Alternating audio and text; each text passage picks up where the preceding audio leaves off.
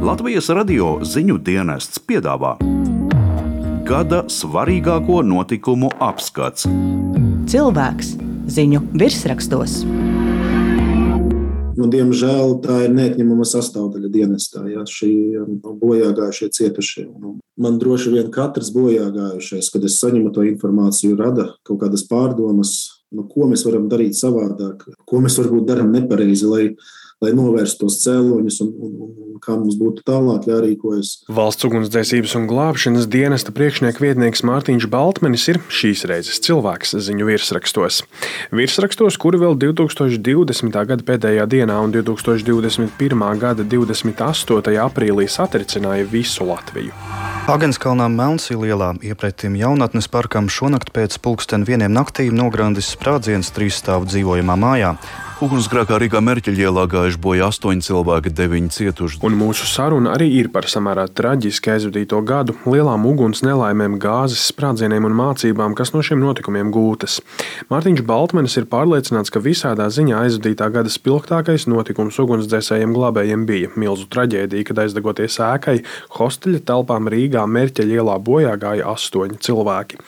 Pats Baltmanis par šo notikumu uzzināja no iesaistītiem kolēģiem tādā kā rīta sapulcē. Protams, attiecībā uz mērķa ielas ugunsgrēku tas jau bija diezgan traģisks notikums. Pats par sevi jau viņš tika likvidēts salīdzinoši ātri, bet tās sekas bija gana traģiskas. Un pēc tam bija nu, jau virkne ar sanāksmēm un citām iesaistītām institūcijām. Ja. No žurnālistiem arī, protams, interese par to, kas tur īsti notika un, un kā tas viss, viss bija. Pēc šīs nelaimes arī tika aktualizēti dažādi problēma jautājumi un veikti grozījumi noteikumos un kārtoti jautājumi par ugunsdrošību viesu izmitināšanas telpās.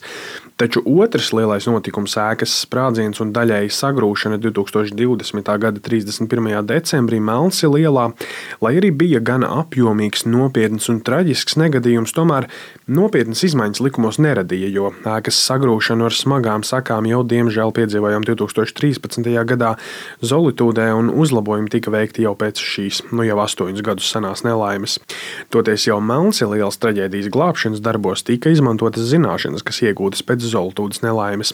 Proti, ugunsdzēsēji vēl pirms cilvēku atbrīvošanas un nogādāšanas ārstu rokās pēc stingrām mediķu norādēm veica cietušo atsāpināšanu. Neatliekamās medicīniskās palīdzības dienests viņi nevar ieiet bīstamajā zonā, un tad nu, mums bija atsevišķa apmācība ar viņiem kopā, kā mēs varam ievadīt šo atsāpināšanas līdzekli cietušajiem notikuma vietā. Tagad jau tas apmācība ir iekļauta jau pamata kvalifikācijas iegūšanā iegūstot ugunsdzēsēju glābēju kvalifikāciju. Valsts ugunsdzēsības un glābšanas dienesta priekšnieka vietnieks Mārtiņš Baltmanis ir pārliecināts, ka dienestā strādā emocionāli noturīgi cilvēki, kuri saprot, ka sastapšanās ar citu cilvēku nāvi ir daļa no darba.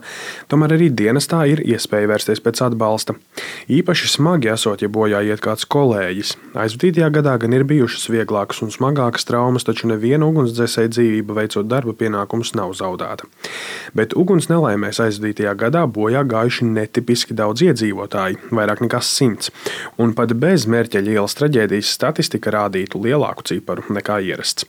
To pamanīs arī pats dienests. Nu, mēs ar tādu lielu varbūtību tomēr redzam, arī ka diemžēl tās sociālais-ekonomiskais faktors kaut kādu lomu spēlē. Tie ir cilvēku grupa, kam vienkārši nav rocības sakārtot to savu īpašumu, parūpēties par ugunsdrošību, jo gluži vienkārši viņam ir pavisam citas tās nu, rūpes, lai nodrošinātu savas pamatvajadzības. Ja? Un tāpēc mēs skatāmies uz šo grupu nu, kā vēl vienu jaunu mērķgrupu. Un aizdītā gada uguns nelaimes un tas, cik tās bijušas nežēlīgas, līdzis pievērsties šīs mērķa grupas izglītošanai.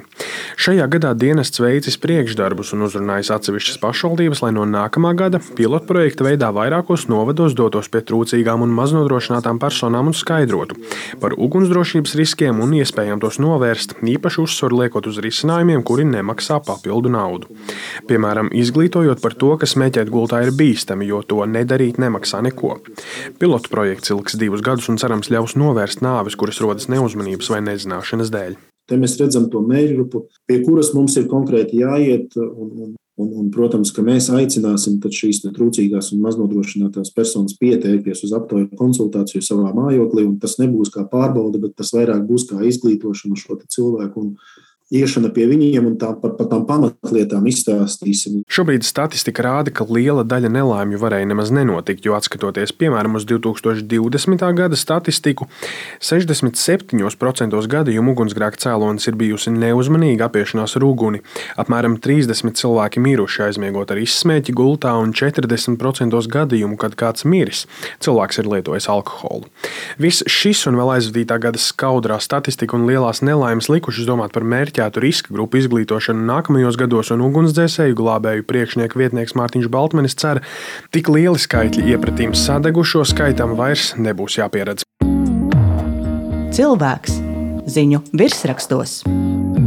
Kristaps Feldmanis, Latvijas radio.